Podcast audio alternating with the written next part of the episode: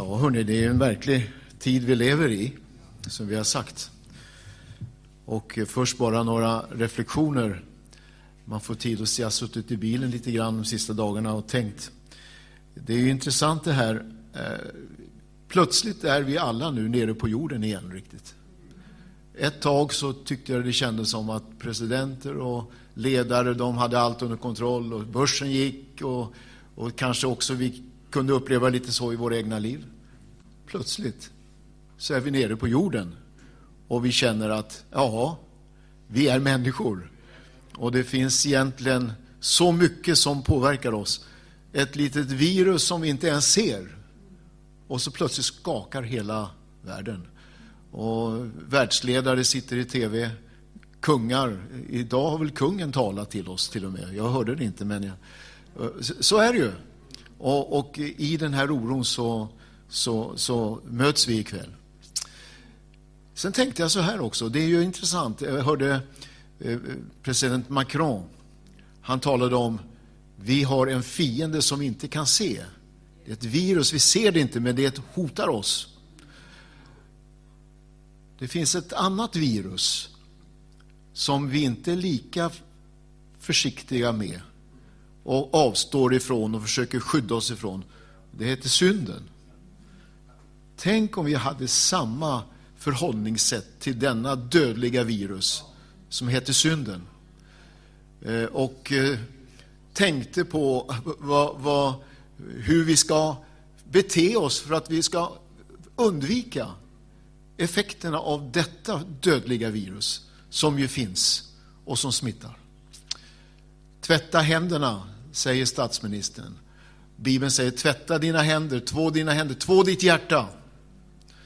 Se till att du har en andlig hygien som håller virus borta.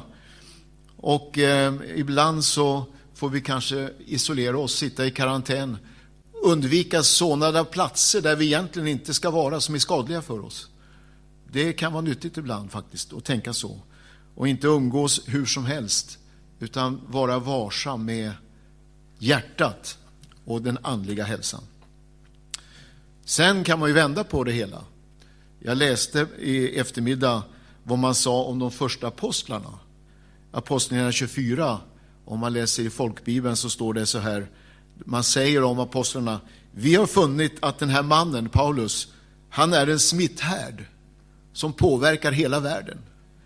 Så i positiv bemärkelse så var Paulus en, en smitthärd. Var han än gick fram så, så smittade han. Och då var det inget dödligt virus, utan det var kärlek, tro, hopp, förtröstan, frid. Och tänk att vi kan få vara, i denna tid, kan vi vara smitthärdar i en positiv bemärkelse och ge av det som världen just nu behöver. Det var bara några reflektioner. Nu ska vi läsa ifrån Guds ord. Eh, och jag ska läsa några bibelversar. Och om ni lyssnar uppmärksamt så ska ni upptäcka att det finns något gemensamt med de här bibelverserna. Och vi går till Jesaja-boken. Det är kapitel 41. Och vi ska läsa tre verser i det kapitlet. Och då står det så här i vers 10. Frukta inte, ty jag är med dig. Se dig inte ängsligt om, ty jag är din Gud. Jag styrker dig, jag hjälper dig, jag uppehåller dig med min rättfärdighets högra hand. Den trettonde versen.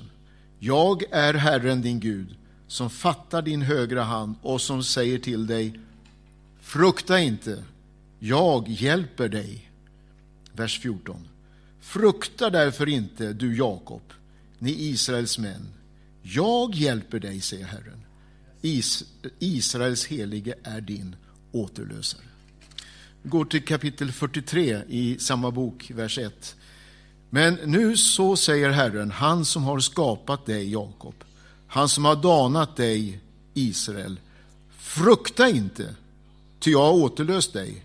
Jag har kallat dig vid namn, du är min. Vers 5.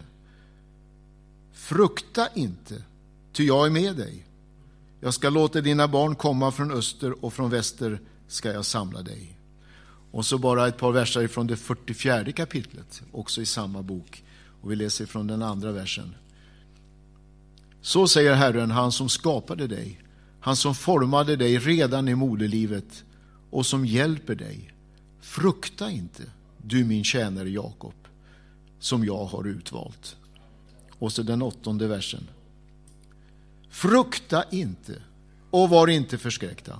Har jag inte för länge sedan låtit er höra om detta och förkunna det? Ni är ju mina vittnen. Finns det någon Gud förutom mig? Nej, det finns ingen annan klippa. Jag vet ingen. Kunde ni uppfatta den gemensamma nämnaren i alla de här verserna?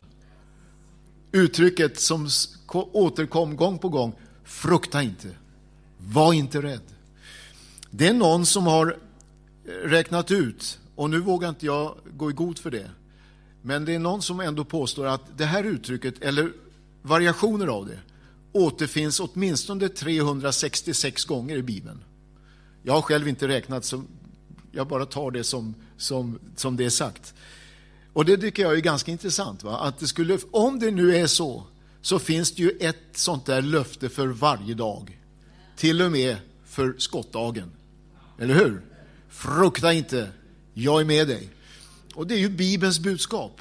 Från första sidan faktiskt. När Gud griper in i den tomma och ödsliga tillvaron och skapar ända fram till Uppenbarelsebokens sista kapitel så har vi detta budskap. Gud säger, jag är med dig, frukta inte.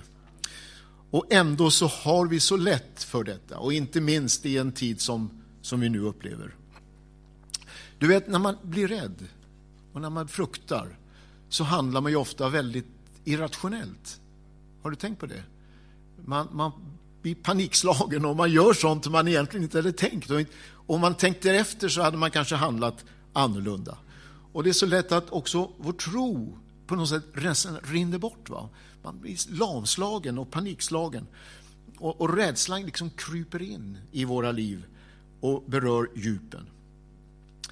Jag har eh, läst någonstans att det finns forskning på det här området när det gäller människor och människors rädsla och fruktan. Och Den här forskaren säger att cirka 40 procent av det som vi är rädda för, allmänt sett, nu talar vi inte just om den här veckan, utan allmänt sett, 40 procent berör sånt som, vi med all sannolik, som med all sannolikhet ej kommer att inträffa. Och ändå går vi oroliga för det. Det är ganska märkligt. Nästan hälften av, av det som vi är rädda för, det kommer aldrig att ske.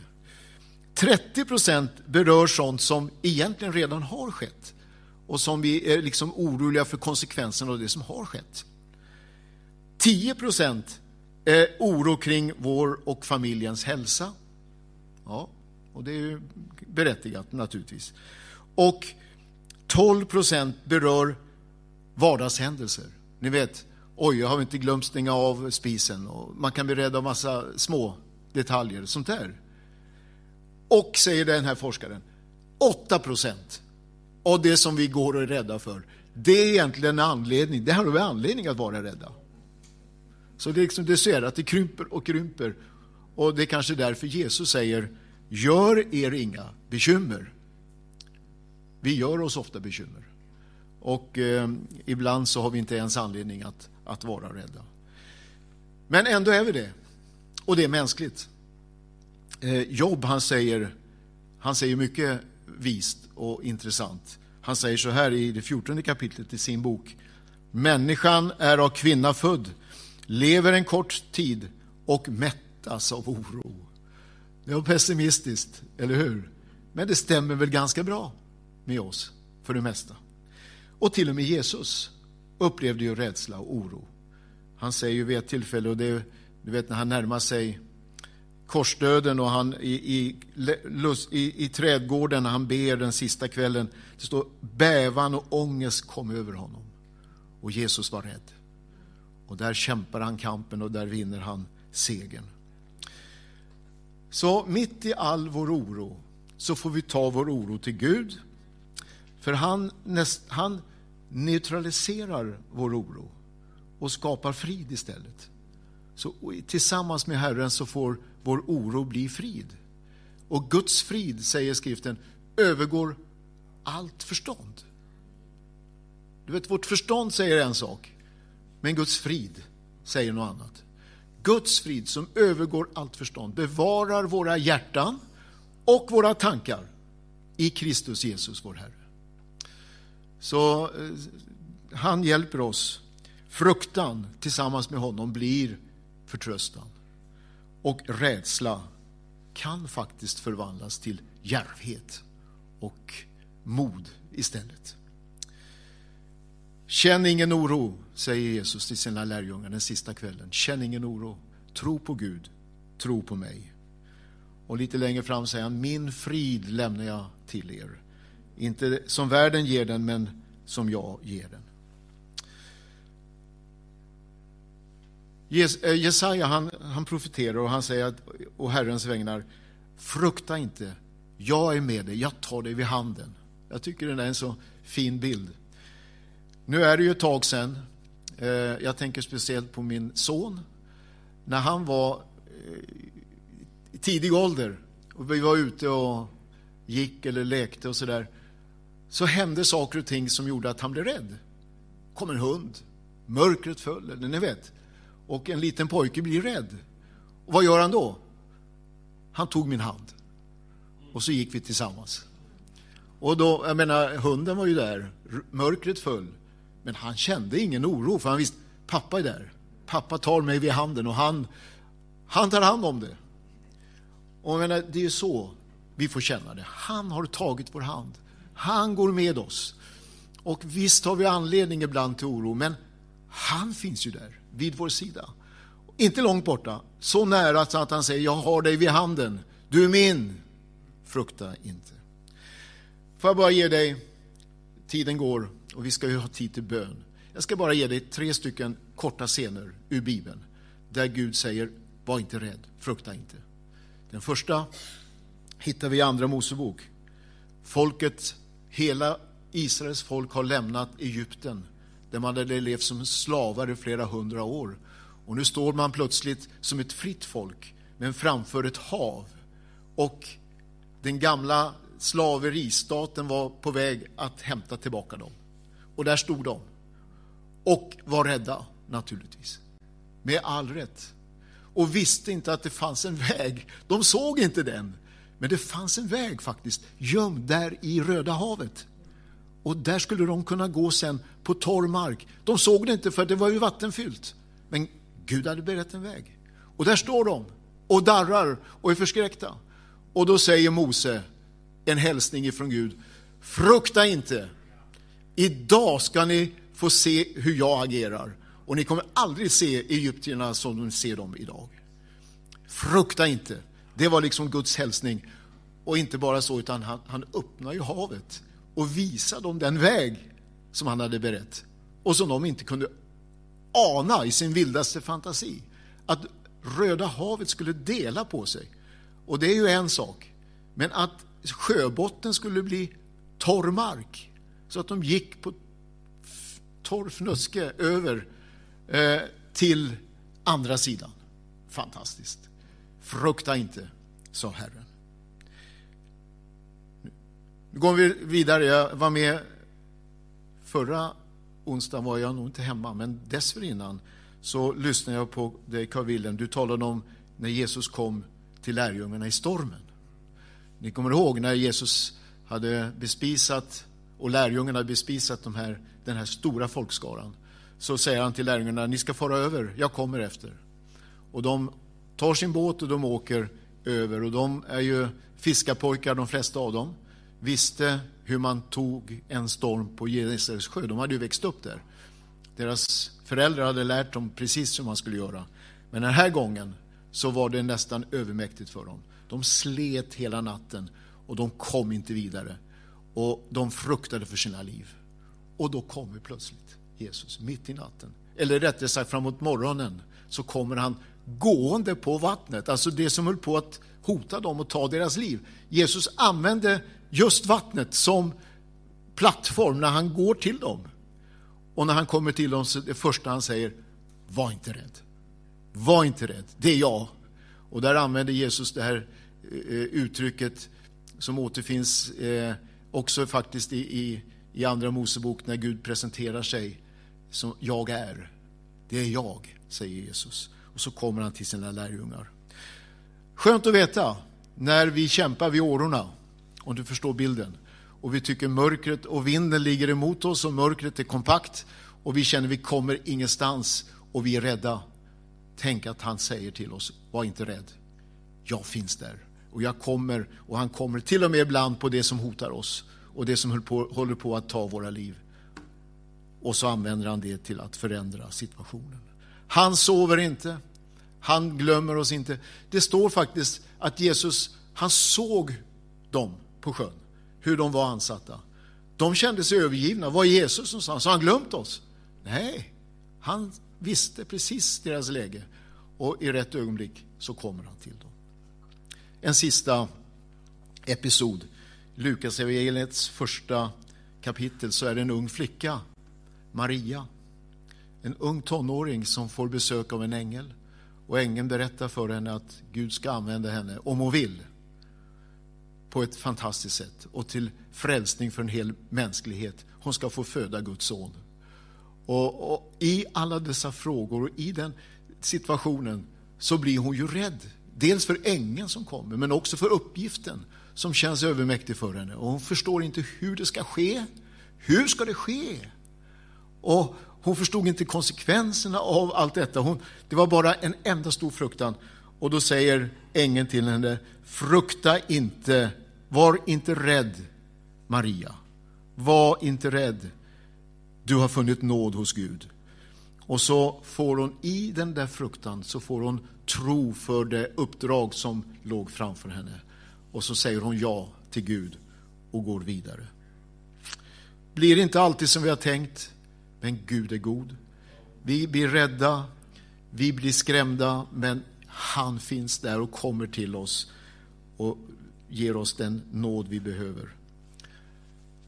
Det finns en position där vi har anledning kanske att frukta och det är när vi närmar oss evigheten.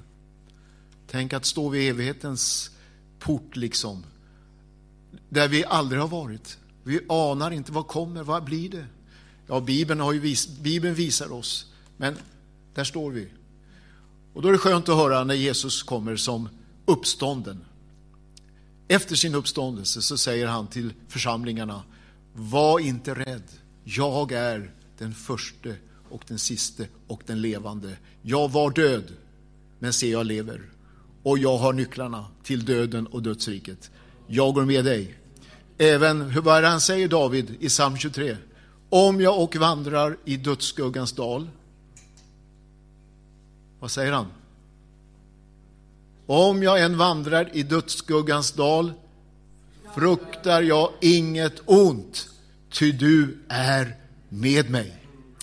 Skönt att veta inför evighetens värld, där ingen annan har varit. Okänd mark för oss alla. Alla andra släpper händerna och säger adjö, men han släpper inte vår hand. Han säger, jag känner vägen, jag har gått här, jag var död men jag lever. Kom, jag ska visa dig vägen in till Guds rike. Vad härligt. Herre, jag tackar dig att mitt i tider av fruktan och rädsla så finns du där. Och ditt ord säger oss att vi inte behöver frukta, för att du är vid vår sida. Det känns inte alltid så. Vi har anledning att bli rädda av omständigheterna, men tack att du påminner oss ikväll att du finns där. Du finns där, troget vid vår sida. Du håller vår hand och när du behövs så bär du oss och du bär oss vidare Eh, även när det känns som att det är liksom kompakt mörker. Tackar dig för det i Jesu namn. Amen. Tack för den här uppmuntrande